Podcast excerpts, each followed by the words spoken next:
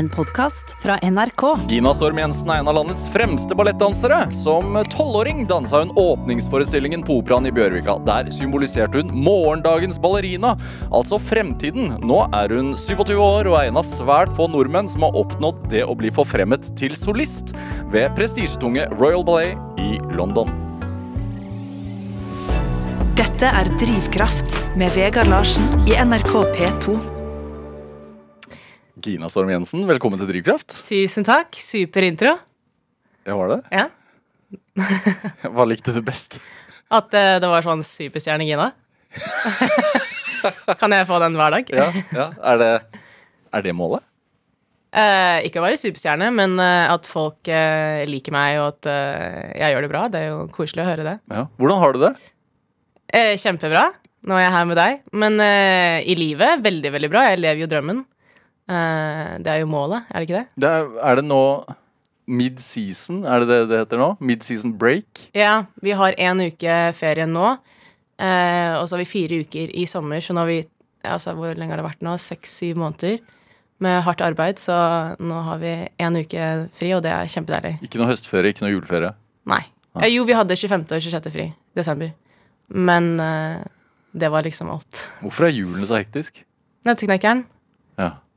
Alle elsker Nøtteknekkeren. Eh, vi eh, spilte Nøtteknekkeren til 14. januar.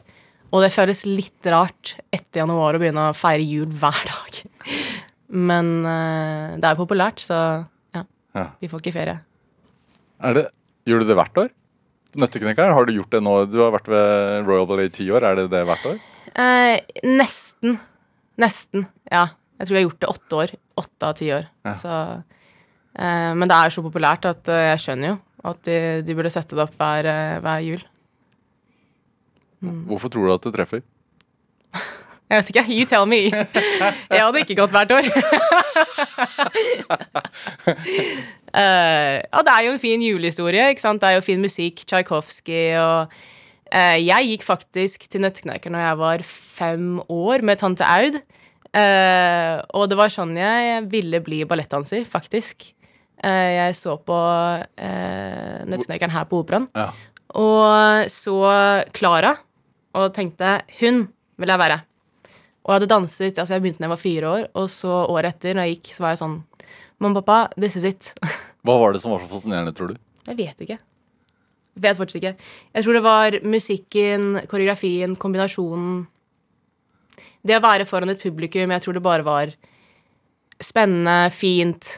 Eh, så ut som en challenge. Ja. Eh, og jeg følte at det, jeg passet rett inn. Hva gjør du? Altså, Nå har du hatt uh, snart en uke fri. Eh, ja, altså det er tirsdag, så vi er fortsatt eh, Ikke si vi er på slutten.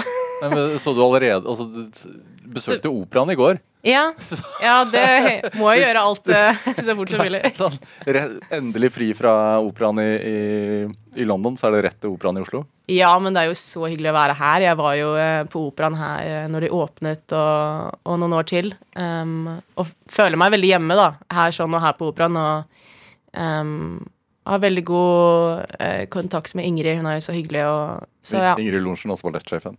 ja. Ja. Så um, jeg syns det er viktig å liksom være litt tilbake her i Norge, og jeg har fått masse støtte fra, fra Norge, fra både Wilhelmsen-stiftelsen og Wesselprisen, og um, setter så stor pris på finansiell støtte og um, ja, at jeg blir husket, da. Hvor, så- Hvorfor er det viktig å få finansiell støtte? Altså inflasjon. inflasjon, og jeg gjør jo ikke det her for pengene, jeg gjør dette fordi det er drømmen min, og ehm, det er alt jeg vil gjøre, så Men det blir jo tungt, da, når liksom alt går opp rundt deg, og, og vi ikke får, får så mye penger på, i London. Ehm, Hva tjener man egentlig ikke mye. så det, det er et lite challenge for meg. Så det å få støtte her er eh, superviktig. Um, så jeg setter veldig stor pris på det. Og så går du på ski? Nei. Ski, hva er det? nei, nei, nei. Eh, Det står i kontrakten vår faktisk at vi ikke får lov til å stå på ski, så eh, prøver å holde meg unna. Hvorfor, hvorfor, hvorfor står det det? Eh, det er jo farlig. Eh, jeg tror ikke vi får lov å eh, Kan du sykle? Ja, det får vi lov til. Eh, men å Hva heter det? Ride a horse. Ja. Ri en hest, ja. Ri en hest, ja. Det får vi heller ikke lov til. Jeg vet ikke. Motorsykkel. Eh, det er noen ting vi ikke får lov til. Men eh, ski er, er en av de. ja. Alpint eller langrenn? Det står bare Jeg tror ikke de vet hva cross country-skiing er. Jeg prøvde å forklare det før, og de er bare sånn Hæ? Walking on skis. Wow. Så ja. Er det, Prøver å holde meg unna. er det mer sånne ting i kontrakten? Eh, jeg vet ikke. Ja, altså, ikke noe som jeg vet som er sånn Ikke så på ski, men eh, de vil jo ta vare på oss. eh, og at ikke vi skal bli skadet. Så jeg får ta igjen alt når jeg slutter. Hvor, hvor lang er en kontrakt? Er det år til år, eller er du da Det er ikke sånn som her. Jeg tror her har du livslang kontrakt til du er 42. Um, men på Royal så er det litt sånn du bare drar. Eller du blir altså får sparken, eller hva du får. Men det er så tøft uh, på Royal at uh, du holder ikke ut. Altså, det høres så forferdelig ut. Jeg elsker å gjøre det, og jeg elsker eh, kompani og alt, men det er veldig, veldig, veldig tøft. Så jeg føler at ett år på Royal føles ut som sånn fem år i normalt liv. Så folk drar når de er rundt ja, 27, 30, 35. Også hvis du er helt oppe, eh, principle, som du sa, så um, kan du være der litt lenger, fordi du kan velge Og nå gjør jeg bare én produksjon, og nå gjør jeg bare det, og jeg gjør bare én rolle her. Men er du helt på bunnen, så må du være med på alle forestillingene Um, Altså fra liksom halv ti på morgenen til halv elleve på kvelden. ja, Hvordan er det hierarkiet? Nå er du solist. Hvor ligger du i Ja. løpet av det? Så det er Altså, nå begynner du som en sånn apprentice, det er helt eh, nede. Og så, hvis du får jobben, så blir du artist. Eh, så blir du førsteartist, solist, som jeg er, så fjerde hakket. Og så har du to til. Førstesolist og principal. Så jeg har kommet meg langt opp, da. Jeg er veldig stolt av meg selv, og det er eh, pat on the back, men man har jo sånn Man vil liksom alltid ha mer. Det er så trist. Dette er Drivkraft med Vegard Larsen i NRK P2. Og i dag er ballettdanser Gina Storm Jensen her hos meg i Drivkraft på NRK P2. Hvorfor, altså, du, du, pat on the back, sier du. Det er- kommer noen sånne engelske gloser uh, i ny og ne. Jeg snakker jo alltid på engelsk i London, så Ja. Da snakker man mye om pat on the back and motivation and uh, Ja. Det er viktig å, å få pat on the back, og jeg tror det er uh, Altså, det får man fra support utenfra, eller, eller Ja, fra bygget også, på, i London, men uh, jeg syns det er viktig å måtte fortsette å ha motivasjon og, og liksom kjøre på så hardt som mulig. Det her er a once in a lifetime opportunity. I'm not gonna sit back and enjoy. I'm gonna push as hard as I can. Ja, Nå ble det bare engelsk. Ja. Ja, sorry. du skjønner hvorfor eh, jeg snakker engelsk. Jeg er jo i London. Men eh, ja, som sagt, så jeg har lyst til å, å bare kjøre på så hardt som mulig, og jeg har heller lyst til å vite at jeg prøvde alt jeg kunne, um, og liksom ikke kom meg helt på toppen, enn å tenke at Og jeg prøvde ikke hardt nok. Kanskje jeg kunne ha klart meg. Hvordan er en vanlig arbeidsdag? Så for eksempel nå da, nå, Før du hadde mid-season break, så, så begynte dere å spille Tornerose. Ja, eh, hvor du spiller Den gode fe, blant annet. Ja, eh, ja, god, ja, så vi kommer inn på jobb Jeg Hvor, kommer inn hvor bor, du, bor du nær Jeg bor eh, 40 minutter unna, så Eller 35. Eller 30 hvis jeg løper. Eh, jeg bor på, i Notting Hill. Eh, veldig fint område. Jeg kjøpte leilighet nå ett og et halvt år siden med kjæresten min. Er det som filmen? Ja, Ja. det er litt det, da. Men uh, I'm a romantic. uh, og så tar jeg T-banen til Covent Garden. Eh, så er jeg der rundt 9.30 og varmer opp. Og så har vi klasse fra halv elleve til tolv. Eh, Klasse. altså sånn bar, eh, senter, tåspissko, eh, hopp. Uansett om det er forestilling Ja. eller ei? Ja. Hvorfor det? Ja, ja, hver dag. Det er som frokost. Altså, man må liksom varme opp kroppen og knekke det man må knekke, og eh, Altså, jeg kan ikke danse uten å gjøre klasse. Det er på en måte eh, Ja, sånn at man ikke får skader og Jeg vet ikke. For meg så er det, kommer det sånn naturlig. Men ja. Hvordan kjennes kroppen ut når du våkner? Eh, det kommer an på sesongen og når i sesongen. Ja, sånn som nå, blir- nå rett etter jul, hvor det har vært en intens Ja, syv føler- måneder, da. Ja, ikke bra. ikke bra i det hele tatt. hvor er det vondt? Eh, overalt. Altså, det er sånn konstant eh, vondt i føttene, konstant stølhet, konstant eh, trett, sliten. Um, jeg tror et uh, stort problem er uh, vi får ikke nok restitusjon. Um, vi hadde noen uh, trenere fra det engelske olympiske teamet som skulle hjelpe oss med restitusjon, og de bare så på timeplanen og sa nei, dette bare funker ikke. Vi har jo forestillinger fire-fem ganger i uken, eller opp til åtte, eller uh, Og problemet hva skjer etter da den classen? Ja, så da har vi prøver i seks timer til forskjellige ting som kommer senere. Tolerose, Wolfworks, uh, gudene vet. Giselle, Swan Lake. Ja. så på kvelden har vi nesten ikke forestilling. Så da har vi fra tolv tolv til halv seks prøver, og så har vi to timer pause. Men i pausen så må vi jo spise, få på sminke, varme opp, og så gjøre forestilling på kvelden, som er tre timer. Ja. Og så gå hjem, komme hjem midnatt, være kjempehyper, prøve å wind down, eh, spise, og så opp klokken syv igjen. Det blir Det er det som er tøft. Hvor mange ganger i uka? Altså, det gjør vi hver, altså, hver dag. Ikke søndager, men det skjer hver dag. Så problemet vårt, det er ikke et problem, da, men en challenge, er å eh, få restitusjon. Man har press. Man blir jo alltid eh, judged by your last performance. Ja.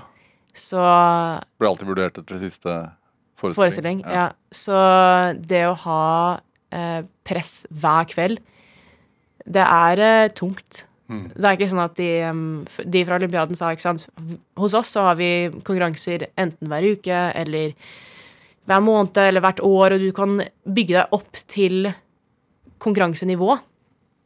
Men vi må ha det nivået hver dag, og ikke bare på kvelden, men på dagen, for da kommer sjefen kanskje inn og ser på prøver, og da må du vise at du kan gjøre det bedre, og du er bedre, og du blir bedre, og du kan levere. Og jeg tror det er det at eh, det er konstant press, det er det som er um, tungt. Mm.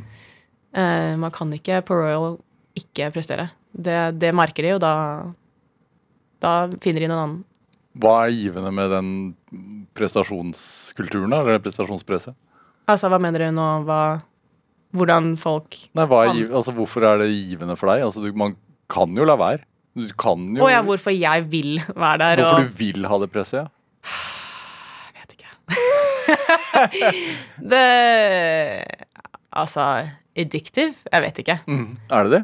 Ja, selvfølgelig. Fordi når det går bra, så er det jo bare sånn Wow, Ja. nå vil jeg ha mer. Men så har det jo risikoen at det går litt dårlig, og så blir man lei seg og Hvordan merker du at det går bra, da? eh, Danserne rundt deg, publikum, eh, det å bli forfremmet, det å få bra feedback. Altså, det merker man. Men nå har jeg gjort ballett siden jeg var fire år. Jeg vet når jeg gjør en bra forestilling. Ja. Um, Du, Men- du traff uh, kong Charles her om dagen? ja, Eller? ja, bak scenen. Han så på Han uh, kommer ofte på balletten. Ja. Og det var kult når han var liksom prins, men nå er han konge. Så alle er sånn Hvordan arter det seg? Hvordan eh, var det? Ja. Ja, det var hyggelig. Han var, han var jo snill, men han må jo være snill. Hm. Han eh, kan ikke være frekk. Så Et, han var etter kjempe... forestilling?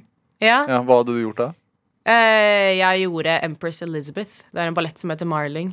Um, så da uh, snakket han med meg og var uh, kjempesnill og imponert og på en måte det vanlige. Det, var vanlige. Nei, men altså, hva skal han si? Han kan ikke si 'Å, det var dårlig'. men han sa at eh, ja, kos Altså, har du det gøy på scenen? Er det vanskelig? Hvor lenge har du gjort det? Eh, så flink du var, og uh, Ja. Ja. Tenk, se, se, hva Får du noe ut av det, eller tenker du bare ja, ja? At kongen ser på? Ja. Nei, egentlig ikke. det, var, eh, det var jo kjempehyggelig og kult å ha folk som ser på, men eh, jeg hadde jo fortsatt danset hadde det ikke vært for han, eller om han ser på eller ikke. Det gjør ikke noe forskjell. Nei. Egentlig. hvem er publikum? Hvem er det? Ja. Altså alle de som kommer. Det er turister, eh, eldre, yngre. Vi får alt. Men det er dyrt, så de prøver å sette ned prisene nå Men ikke sant, operaen trenger penger med, med tanke på covid og alt det som har skjedd, så ja. Vi prøver å finne, finne løsninger, og vi prøver å nå streame sånne live cinema relays, sånne kinoforestillinger, Ja. Um, for å vise alle sammen hva vi kan gjøre, og ikke bare ha et sånt eksklusivt Det er bare folk som har penger, som kan komme og se på oss. Ja. Så det er kult. Du, du spiller jo egentlig Torne Rose for tiden. Ja. Ehm, der du spiller eh, den gode feen, blant annet. Du ja, noen andre roller, men eh, ja. hva, kan du fortelle om det? Ja, altså den rollen. Ja? Ja, den gjorde jeg jo Jeg husker ikke når jeg gjorde den for første gang. Uh, jeg tror det var syv år siden, eller noe sånt. Um, så det var en av de store sjansene mine jeg fikk. Uh, og det er sett på som et veldig, en veldig hard variasjon. Hva vil Den er veldig si? teknisk vanskelig. Eh, kort, men på en måte alt eh, Hva er en som variasjon? kan gå ga En solo. Altså, du er alene på scenen og danser alene. eh, men alt som kan gå galt, kan gå galt. For å si det sånn at det er, det er veldig sånn see-through. Akademisk. Alle som vet hva ballett er, vet om det er bra eller dårlig. Du kan ikke bare smile og 'det var fint, det var greit'. Um, så da fikk jeg den sjansen, og så gikk det bra, da. Så det var jo hyggelig. Og så Hva er det som gjør den så krevende da, for, for en uh, som ikke kan så mye om ballett? Uh, Det er masse piruetter. Um, og den er tung, selv om den er Jeg tror den er ett minutt, eller noe sånt. Og så på slutten så har du et steg som er helt forferdelig. Hva vil Så si? si? alle som ser rundt, øh, vet det. Altså, det er på en måte sånn Jeg vet ikke hvordan jeg kan forklare det. Fouette into arabesque. Ja, ikke sant? Det, det er bare et trinn som er veldig, veldig vanskelig å gjøre uansett. Og så gjøre det på slutten av en variasjon, når man allerede er sliten. Det er um, Ja, det er eh, krevende. Og så vet alle de på scenen, og de kanskje 20% av de i publikum, at nå kommer det, og lykke til. Ja. Uh, så det er en av de solene som er uh, veldig, veldig teknisk krevende. Hvordan har du det rett før? Jeg har det bra, men jeg vil jo gjøre det bra òg, så jeg setter jo press på meg selv, men jeg um, blir eh, touchwood ikke sånn veldig nervøs. Jeg tror det er eh, veldig farlig når man begynner å bli stressa, og så nervøs og så stressa, at man ikke merker Man kjenner ikke musklene, og alt liksom gir seg, og det er mitt mareritt. Så jeg er veldig heldig at jeg ikke har fått sånn enda. Em, jeg tenker bare at dette er bare ballett. Jeg må kose meg, jeg skal kjøre hardt. Jeg skal prøve å være så flink som mulig, og da går det normalt bra. Og så har jeg hatt prøver, ikke sant. Jeg er jo en teknisk god nok danser til å gjøre soloen, så da må jeg tro på meg selv. Jeg sier alltid at hvis ikke jeg tror på meg, hvordan skal de rundt, seg, rundt meg tro, tro på meg? Um, så jeg tror det er veldig viktig å ha sånn inner belief. Um, og så i 2020 eh, gjorde det igjen, rett før pandemien, og da eh, Til de store produksjonene har vi normalt en sånn kino-relay. Så man kan gå på kino her i Oslo og se den, liksom? Ja, jeg tror det er Gimle kino her i, i Oslo, og så rundt i verden. Eh, og det blir streamet live, og da setter du det Det setter ganske mye mer press på um, oss dansere, fordi du ser alt veldig nærme. Det er ikke bare langt unna. Og så er det mye flere mennesker som kan se um, forestillingen. Og jeg skulle ikke være den gode feen uh, den forestillingen, men så var det en jente som ble skadet noen timer før, og så måtte liksom jeg inn, og da sa Er du da sånn second cast? ja, vi har fem-seks forskjellige gode feer, og da ble det plutselig meg som ble spurt, og da hadde sjefen, altså Kevin O'Hare, spurte om jeg kunne komme inn til kontoret og snakke med han, eh, og spurte om jeg kan gjøre det, og da sa jeg ja, og så sa han, men uh, det kommer med ganske mye ansvar. Uh, ok. Uh, kan du takle presset? Ja. Så det var litt Jeg må si det var veldig mye stress den forestillingen.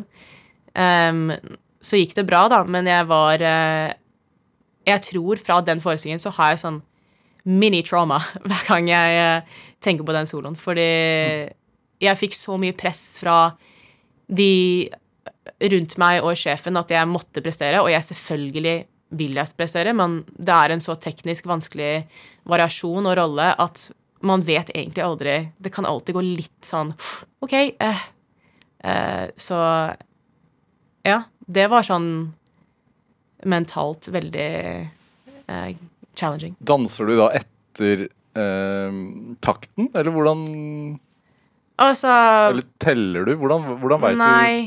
Til den soloen teller jeg ikke, fordi musikken er ganske eh, rett frem. Men eh, det er andre komponister som Stravinskij som har eh, mye mer kompliserte tellinger, hvor du må telle 12 og 5, 4, 3, 1, 14. Hva vil det si? Eh, at det er uneven. Ja. Um, og det er en ballett som heter Right of Spring, hvor det er masse folk på scenen som gjør samme koreografi, og da må du telle Jeg husker eh, det her var lenge, lenge, lenge siden. Uh, når jeg akkurat fikk jobben. Og da hadde vi sånn 7, 9, 10, 8, 14, 2. Og hvis du er ute av tellingen, da ser alle det på scenen. Hvordan er Hvordan er det etter forestilling? Um, fordi vi har så mange forestillinger, så er det veldig Hvis du gjør større roller, så venter du på feedback. Sjefen ser på alle forestillingene. Um, Kongen kommer. Kongen kommer. Um, så man venter liksom å, å, høre hvordan det gikk, og om det var noe jeg skulle gjøre bedre, eller om hvis det var noe som ikke gikk helt perfekt, snakker man litt om det. Uh, men hvis du gjør mindre roller, så løper du hjem sånn at du fort kan sove. Ja. Får man sove, da? Det tar litt tid. Uh, jeg syns jo synd på kjæresten min. Jeg kommer jo til hjem og Wey, hallo, sånn, sånn, og så skjedde det og det. Og så sier han bare Chill out. Ja. It's midnight, Gina. Um, men eh, det har blitt en rutine at man på en måte Altså tvinger seg til å sove så fort som mulig, fordi man må få søvn. Lever man i en boble? Ja. Hvordan da? Uh, altså Institusjonen på Royal er kjempestor og kjent uh, og helt utrolig, men uh, det er definitivt en boble på Royal Ballet. Hvordan, jeg si. hvordan skiller den seg fra f.eks. Uh, i New York eller her i Oslo, eller Nei, altså alle har sin egen boble. Alle har jo sikkert samme på en måte ikke drama, men ting som skjer i hvert sitt kompani, så um, Men hva er spesielt med Royal Ballet? Uh, Talentet, tror jeg. Hva vil det si? Uh, folk er bare så flinke. Det er bare konstant konkurranse og prestasjonspress og Operahuset er så kjent, og det er så fint, og det er så Folk kommer til London for å se på operaen. Det er litt sånn som her. Så det er um, Alle har sin egen boble. Uh, men jeg syns det er viktig å komme seg ut av den boblen uh, på kvelden. uh, eller på, i helgene. Og ha familie rundt meg og, og kjæreste som ikke er involvert i det hele tatt. Det er veldig viktig for å da få balanse og ikke bli overkjørt eller på en måte ta det inn for mye, Ja.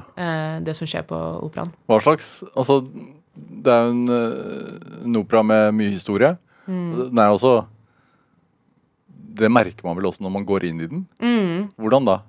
Altså, det er uh, veldig gammeldags og sånn Hva sier man? Pompøst og Høytidelig? Ja, Uh, du kommer inn i uh, auditoriumet, og det er bare helt fantastisk. Jeg får fortsatt, hver gang jeg går inn, til, inn på jobb, så tenker jeg åh, wow, Ja. Dette er kult. Hvorfor, hva, hva, hva er det Altså, sånn? det er så mye historie. Vi har hatt eh, dansere der som er helt utrolige. Beste danserne i verden, så Du er den første norske siden 40-tallet eller noe sånt? Ja. Kult. Uh, ja, vi har jo en annen norsk gutt nå som heter Lukas, uh, som er veldig søt, og som er uh, eh, går der og eh, Så vi eh, Ja, det er kult. Jeg prøver jo å gjøre det bra og representere Norge så godt jeg kan.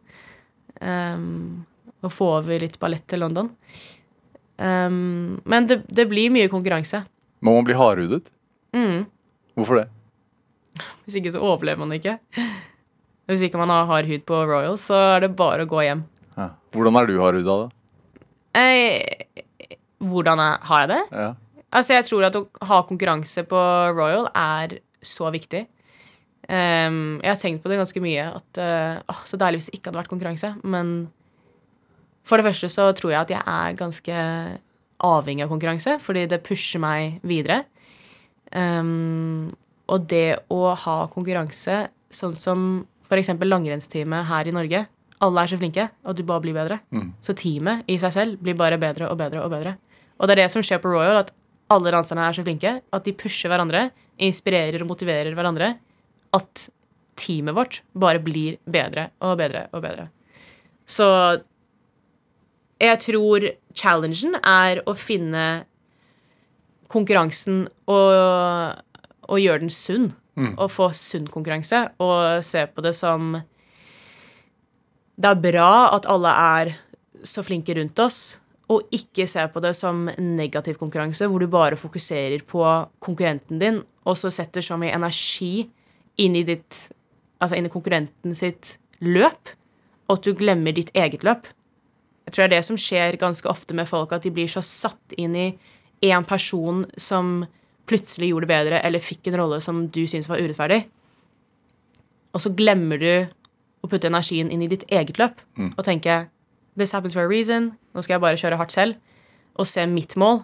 Men eh, det er mange som ser da Putter all energien sin i den personens løp, og da går jo det dårlig for deg.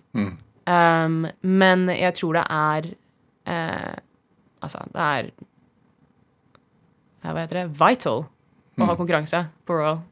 Hun som ble skadet da du fikk tilbud om å danse den eh, gode feen, da. Ja. Hvordan heiet hun på deg, eller? Uh, ja, sikkert, men det som skjedde, var at det var Aurora. Det var hun som ble skadet. Så da Altså hovedrollen i Tornerose. Ja. Det var hun som ble skadet, og da måtte hun som skulle gjøre Gode fe, inn til hovedrollen. Og da måtte jeg inn til Gode fe. Så hun som skulle gjøre Gode fe, hun måtte da gjøre hovedrollen. Så vi gråt jo begge når vi fant ut. Fordi det var jo bare å, to timer før forestillingen, og jeg var ikke klar til det her. Jeg har ikke tåspiko som er bra nok. Jeg har ikke, ikke sant, mental klarhet, eller jeg vet ikke hvordan det her kommer til å gå. Jeg har fått masse press fra de rundt meg. Eh, nå må jeg levere. Du kan jo gjøre Altså, alle kan jo gjøre en forestilling, men du vil gjøre den bra, og du vil levere. Så, så hun heiet masse på meg. og jeg heiet masse på henne. Eh, Gina Strom Jensen, vi skal spille litt musikk. Du har med en, en, en låt som heter eh, Sakura. Eh, eller det er Rosalia heter vel kanskje låten. Ja. Av Sakura. Mm. Hva er dette her? Hun er en spansk popstjerne eh, som prøver å modernisere flamenco litt. Og eh, en kjempekul artist. Eh, jeg var på konsert med henne nå i desember, og det var den beste konserten jeg har vært med på eh, i hele mitt liv. Faktisk. Em, men også fordi jeg syns at det siste albumet er så bra. Ja, artisten heter Rosalia. Mm, Ja. Artisten heter Rosalia. Um, og den siste sangen hun har på albumet, heter Sakura. Og det handler seg om en japansk cherry blossom. Em, og hun snakker om at uh, fame doesn't last forever. Ja. Um, og jeg syns at det var så kult å høre at hun uh, sier at når jeg er 80 år, så kommer jeg til å se tilbake på den tiden her og le. Um, og det er viktig å huske at dette her bare varer så, en, så, lenge, så lenge det varer, men at det ikke varer for alltid. So stay humble, people. Og det syns jeg er veldig kult. ja. Er du ydmyk? Altså, jeg håper det. Jeg prøver. Skal vi høre? Dan Ja. Danser du flamenco? Jeg gjorde faktisk det når jeg var uh, ung. Ja. Danset jeg ganske mye flamenco. Og da var det, um, kom det til et punkt hvor jeg tenkte ok, flamenco eller ballett. Da ble det jo ballett, men uh, jeg elsker flamenco. Ja. Så er jeg spansk kjæreste, da, så Skal vi høre? yes. Når hører du på dette her? Eh, før forestillinger. Um, jeg hører på henne ganske mye, fordi du, du kommer deg i en, eh, i en stemning som er uh, fin. Ja, Og så får du deg til å tenke at dette varer ikke evig, så bare Nei, så kjør på. kjør på.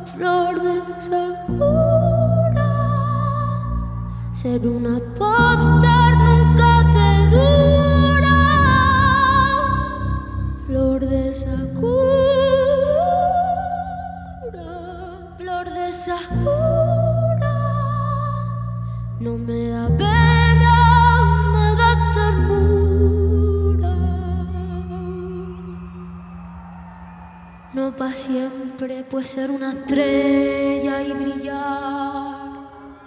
Vi a reírme cuando tenga ochenta y miré para atrás. Nunca me ha dado miedo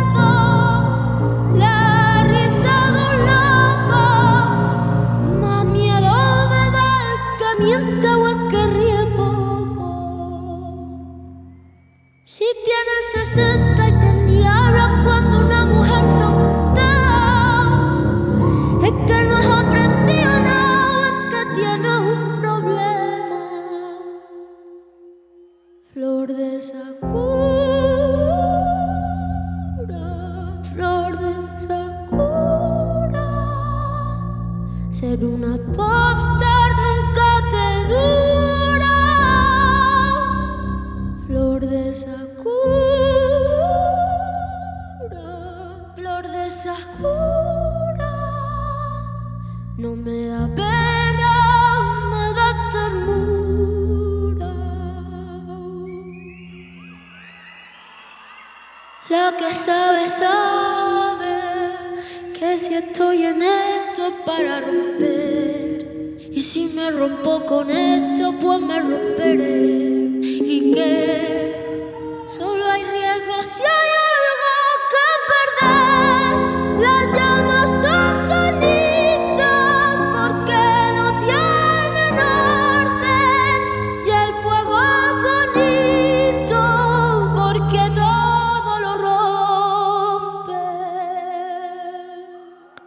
Ja, Du fikk eh, Sakura av eh, Rosalia her i Drivkraft med NRK P2. Valgte dagens gjest her i Drivkraft, nemlig ballettdanser Gina Storm Jensen. Da var du klar for å gå på scenen? Ready, set, go. Ja. det er ikke akkurat, man får ikke akkurat sånn Jazzer seg ikke opp av den musikken, men Jo, jeg gjør det. ja. Kanskje ikke du. Er det, altså, du, du bor jo i London nå, bodd her i ti år, men eh, Mm. du er født i London nå? Ja, jeg er født i London, bodde der i to år. Eh, flyttet over hit når jeg var eh, to, og så dro jeg over Hvorfor, hvorfor hva, hva skyldes det? At jeg kom tilbake hit. Ja, Eller altså- at jeg kom hit. Ja. Eh, pappa er norsk. ehm, mamma er tysk. Men de ville at jeg skulle ha et trygt liv.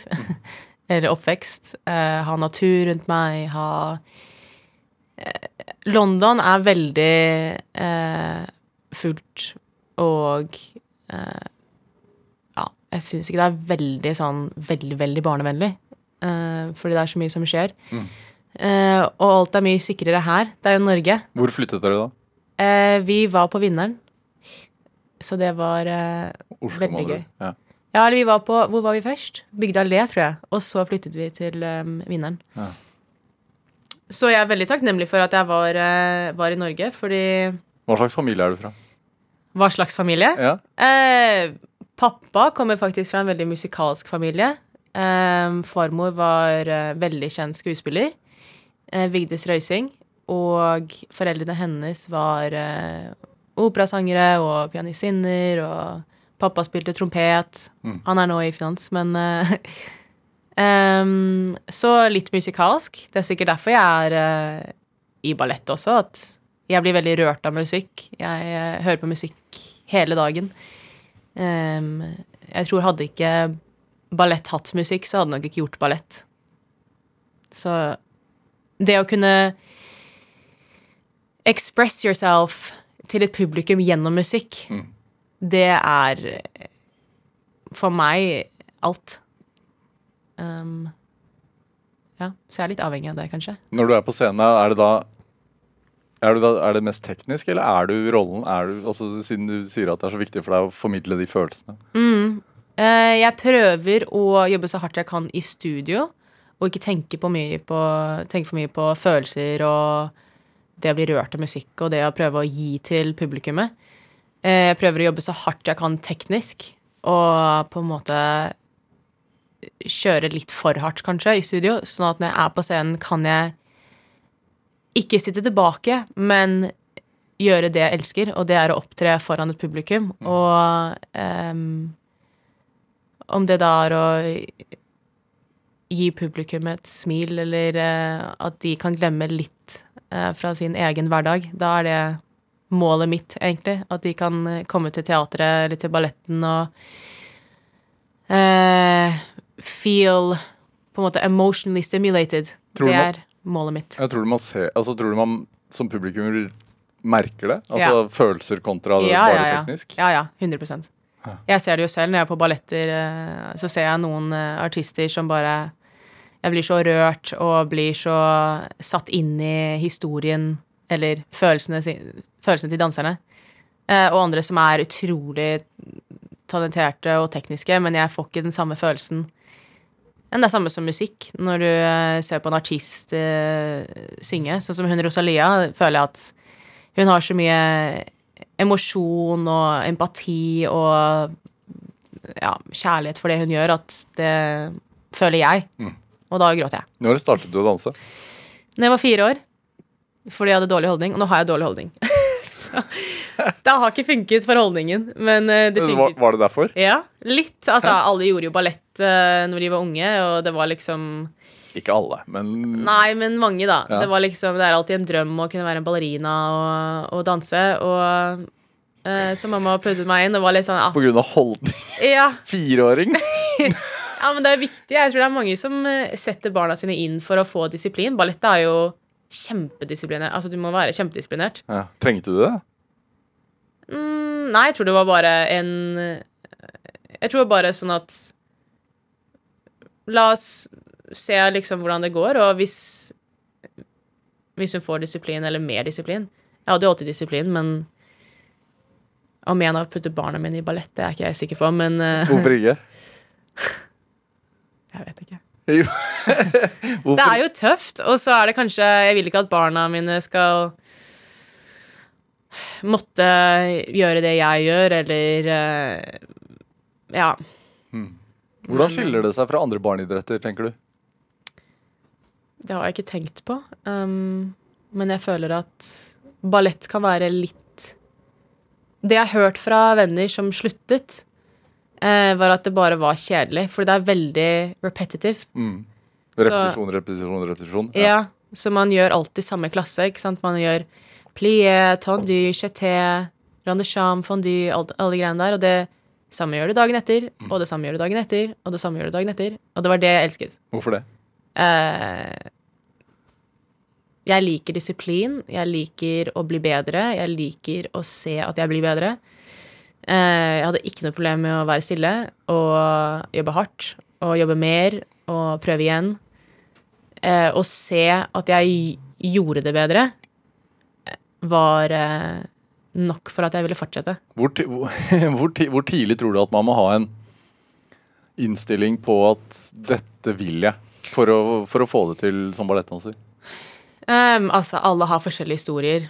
På Royal også. Det er mange som begynte når de var to. Det var mange som begynte når de var Kanskje ikke mange, men eh, jeg tror det var en som begynte når han var tolv. Men det er nok mer naturlig å begynne tidlig. Um, fordi det er så tøft. Og um, Men det er ikke noen regler til når du må begynne, og når du føler at du vil bli ballettdanser. Men jeg var jo selv ti år, kanskje, når jeg, når jeg var eh, bestemt på å gjøre det her profesjonelt. Og når jeg sier det til kjæresten min, så tenker han ti år? Visste du hva, du ville gjøre? Eh, det, for meg så føltes det veldig naturlig og normalt, men nå at jeg ser tilbake eller ser på andre folk, så skjønner jeg at det var jo helt unormalt å ville bli profesjonell ballettdanser når jeg var ti år, og nå skal alle rundt meg Altså, nå skal jeg bare danse. Jeg bryr meg ikke om det som skjer rundt meg. Jeg trenger ikke å gå på fester og møte folk, og jeg vil bare, bare danse. Det føltes naturlig for meg da, men når jeg ser på det, så var det kanskje ikke det. Ja, for det var sånn? Ja, ja. Ja. Jeg var på fjellet, og jeg hadde ferier og, og venner som ikke var dansere, men jeg hadde ikke noe problem med å ikke være på bursdagsfest eller drikke eller Ja. Det var ikke i min interesse i det hele tatt. Hva var det som trigga den derre det målet i tiårsalderen, da, tror du? Kanskje en kombinasjon av det at jeg ble ganske mye bedre ganske fort, og um, gjorde Jeg gjorde Lille-Klara i Nøtteknekkeren på Operaen. Ehm, og det var alltid et lite sånn tegn på at OK, hun er flink, og så um, Og så satte mamma Hun fant uh, en skole som heter Raw Valley School Uh, altså den skolen til kompaniet mitt nå, de hadde en sommerskole. Så da prøvde jeg å gå um, Å være der en eller to uker i sommeren. Og da begynte jeg å få sånne småpriser og, og begynte å, å etablere meg litt. Og da skjønte jeg at nå var det ikke bare i Norge eh, Altså, jeg ville, jeg ville ut og, og se hvor langt jeg kunne gjøre det. Og jeg skjønner som foreldre at de har alltid supportet meg 100% og broren min òg. Men jeg skjønner at det er tøft å bare si ja, ja, kjør på. Når man egentlig ikke vet hvor bra jeg var, eller hvor jeg ikke sant? Det er jo så lett å si som en, som en datter at 'jeg vil danse, vær så snill, vær så snill'. Mm. Men så når jeg begynte å vinne konkurranser og sånn, da skjønte de OK, hun har en, hun har en sjanse, så da kjør på. Hvor, hvor tidlig begynner man å legge press på seg selv? Altså, jeg var jo Jeg, jeg følte jeg var ti år. Altså, jeg, eller altså Ja, kanskje ti år.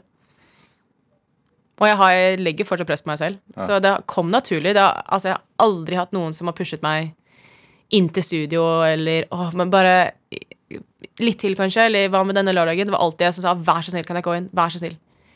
Eller stakkars mamma måtte hente meg på kvelden klokken ni eller halv ti fordi jeg måtte tøye, fordi jeg måtte prøve litt mer og Så jeg hadde ikke klart det uten familien min. Um, så jeg er veldig takknemlig. Men um, Ja. Jeg angrer ikke i det hele tatt. Er det Du ble skada ganske tidlig i karrieren. Ja. Hva skjedde? Det var nok den tøffeste perioden for meg når jeg ser tilbake på, på karrieren min så langt. Um, jeg fikk Så på upper school, der jeg um, Etter at jeg gjorde konkurranser i, rundt i verden, så kom jeg inn til upper school, som er den skolen i London, Royal Valley Upper School. Da er du 15 til 18 og gjør tre år. Mm. I det tredje året Altså, du reiste dit som 15-åring? Ja, Ja. Reiste som 15-åring. og Aleine? Eh, ja, men mamma, pappa og Felix eh, flyttet også.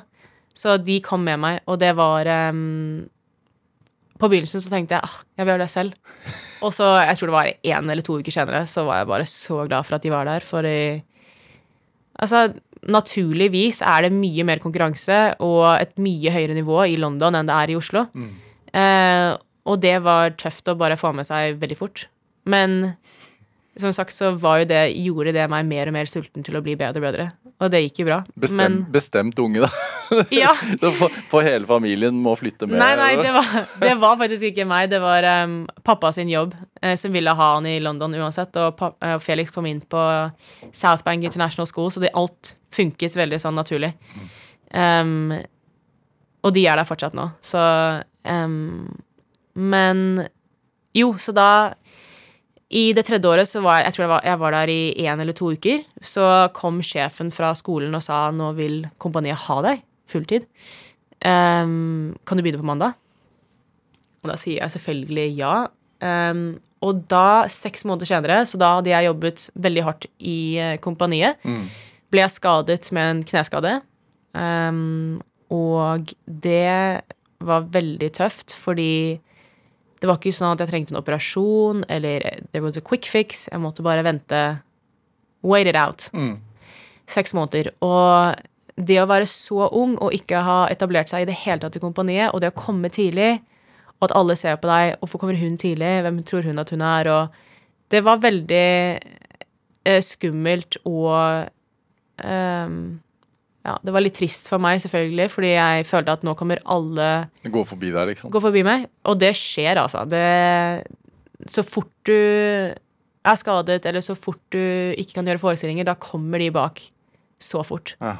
Um, så da følte jeg at ok, dette var veldig dårlig timing. Uh, jeg hadde dårlig samvittighet, jeg var nervøs, jeg ville ikke miste jobben. em, og da så jeg en sportspsykolog som dere også har her i Norge, eh, på Olympiatoppen, eh, som heter Britt Taiet Foksel. Mm. Um, og hun var helt fantastisk. Og Blant annet jobbe med kvinnelandslaget i fotball og mm, flere ja, hun er veldig populær. Ja. Mm. Ja. Så hun eh, snakket med meg, og jeg husker at jeg kom ut av den timen og ringte mamma og pappa og sa at nå, nå kommer jeg tilbake mentalt og fysisk sterkere enn det jeg ever har vært. Hva sa hun, da? Det er en hemmelighet. eh, det er en hemmelighet. Men, eh, men hun var så em, flink Mm. at jeg tenkte eh, Det vil jeg bli når jeg er ferdig med dansen. Så eh, nå studerer jeg psykologi og skal prøve å bli sportspsykolog etter eh, dansekarrieren. Fordi hun hjalp meg så mye, og jeg tenker at det kan jeg gjøre med andre. Men det som skjedde, da, var at jeg kom tilbake seks måneder senere sterkere fysisk og mentalt og alt. Og så skulle jeg gjøre et stort hopp som heter Grand Jeté. Eh, Jeg hadde gjort små hopp, medium hopp, og så skulle jeg gjøre det første store hoppet mitt. Lander, brekker tåen og er tilbake i seng. Det var tøft. Ha. Så da trengte jeg henne hjelp, um, og hun hjalp meg, og alt var greit. Men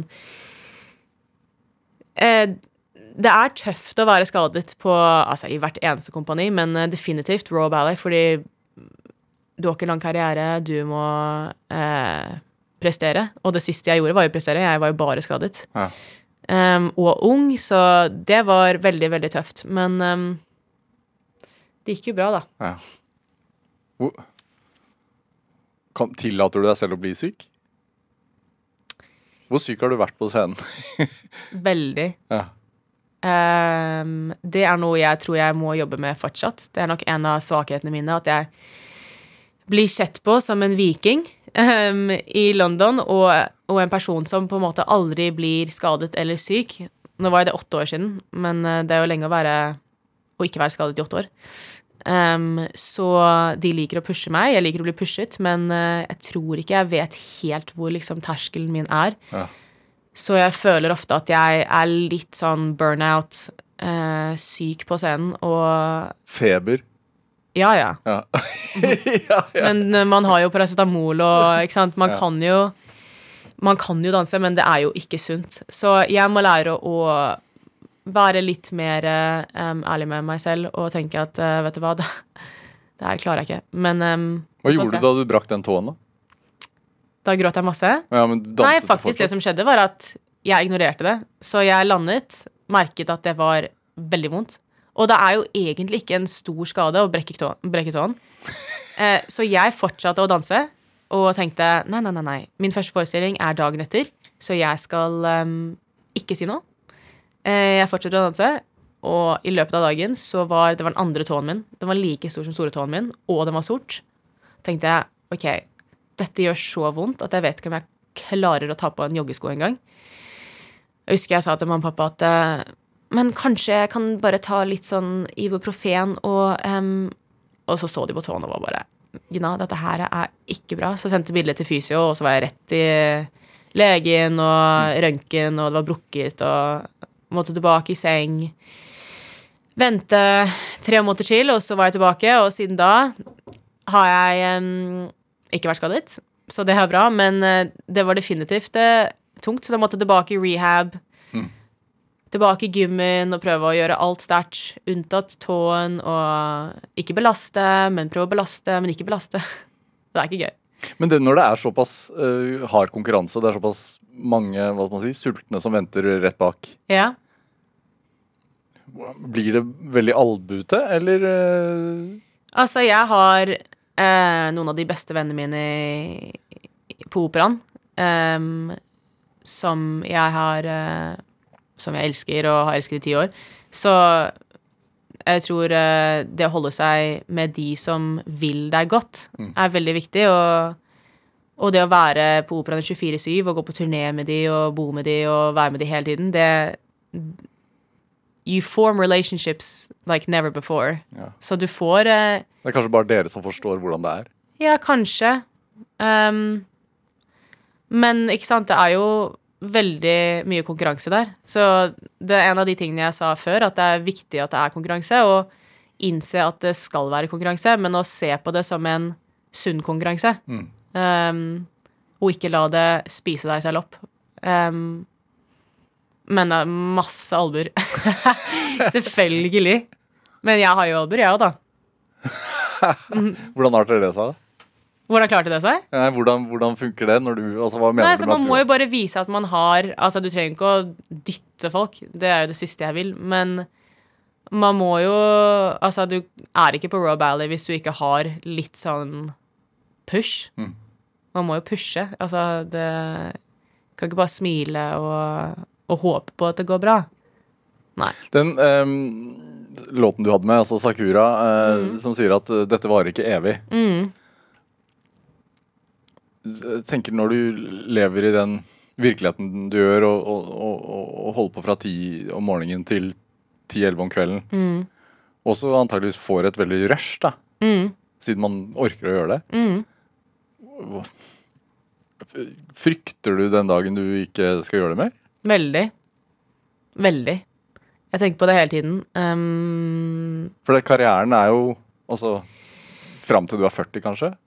Ja, jeg vet ikke hvor lenge jeg holder ut. Altså, Nei. det er jo så tungt på Royal. Uh, vet ikke om jeg holder ut så lenge, men jeg har jo vært på en måte Gina ballerina siden jeg var fire år. Mm. Uh, og det å plutselig ikke være ballerina, men bare være Gina, det er skummelt. Um, og det at jeg har så mye um, Hva sier man på norsk? Elsk. Altså, I have so much love for ballet. Mm. Uh, finner jeg noe som jeg elsker like mye etterpå? Det vet jeg ikke. Men um, det jeg vet, er at jeg ikke vil uh, slutte å så få sånn depresjon eller miste alle pengene mine. Ikke at jeg har mye, da, men Men det er masse Jeg snakket med Britt om det, at eh, hun sa det er mange idrettsutøvere som bare får et ordentlig smell etterpå fordi de ikke er the it girl, the it boy, eller månedens stjerne, årets stjerne, eller Og de eh, går ordentlig eh, into a depression. Så målet mitt er å dempe det litt, og ha en plan B, sånn at jeg føler meg litt eh, mindre eh, sånn at det ikke er like skummelt da, å, å forlate balletten og ha en ordentlig plan til hva som skjer etterpå, sånn at jeg ikke tenker Nå er det ikke noe mening i livet. Men som en person så tror jeg at jeg um, ikke kommer til å ha et problem. Jeg har et, som sagt, et stort supportsystem rundt meg og er veldig interessert i sportspsykologi og holder meg inne i en type bransje, idrettsbransje. Så jeg tror ikke at jeg er um, har en fare for å gå inn i en depresjon eller uh, ja, skeie helt ut. Hva gleder du deg mest til i løpet av det neste halvåret? da? Altså nå neste, neste del av sesongen. Ja. Jobbe hardt. Prøve å bli bedre. Ja. Det er så trist jeg sier, altså, men jeg mener det jo. Altså, jeg tror det fortsatt er um, mer av meg som jeg kan gi til publikummet. Uh, jeg tror jeg kan bli bedre. Um,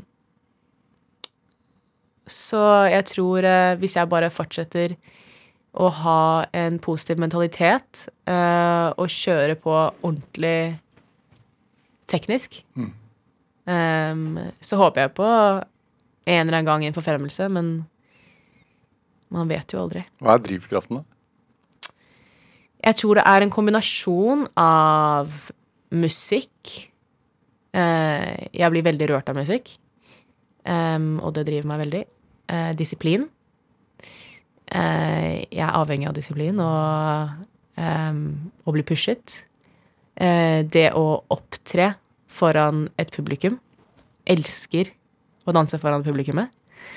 Um, og jeg tenker det å hjelpe folk i hverdagen sin, og det å komme inn på balletten og switch off for three hours Og hvis jeg har hjulpet de, um, da føler jeg at jeg har gjort en bra jobb. Hva sier du til de tiåringene da, som du møter noen ganger? Don't stop believing in yourself. Ja. Jeg var jo Jeg, altså, jeg hadde Jeg er veldig høy. Jeg var veldig liten når jeg var ung, um, så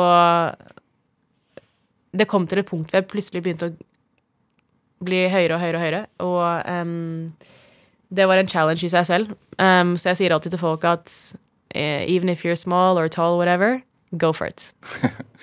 Gina Storm Jensen, tusen takk for at du kom hit til Drivkraft. Takk for at dere hadde Lykke til med det neste halve året. Hjertelig takk. Hør flere samtaler i Drivkraft på nrk.no eller i appen NRK Radio. Send oss gjerne ris eh, eller ros, og også tips til mennesker som du mener har drivkraft. Send den e-posten til drivkraft.krøllalfa.nrk.no. Vi hører veldig gjerne fra deg. Produsent og researcher i dag, det var Camilla Bollingmuir. Dette var Drivkraft. Jeg heter Vega Larsen. Vi høres. Du har hørt en podkast fra NRK. De nyeste episodene hører du først i appen NRK Radio.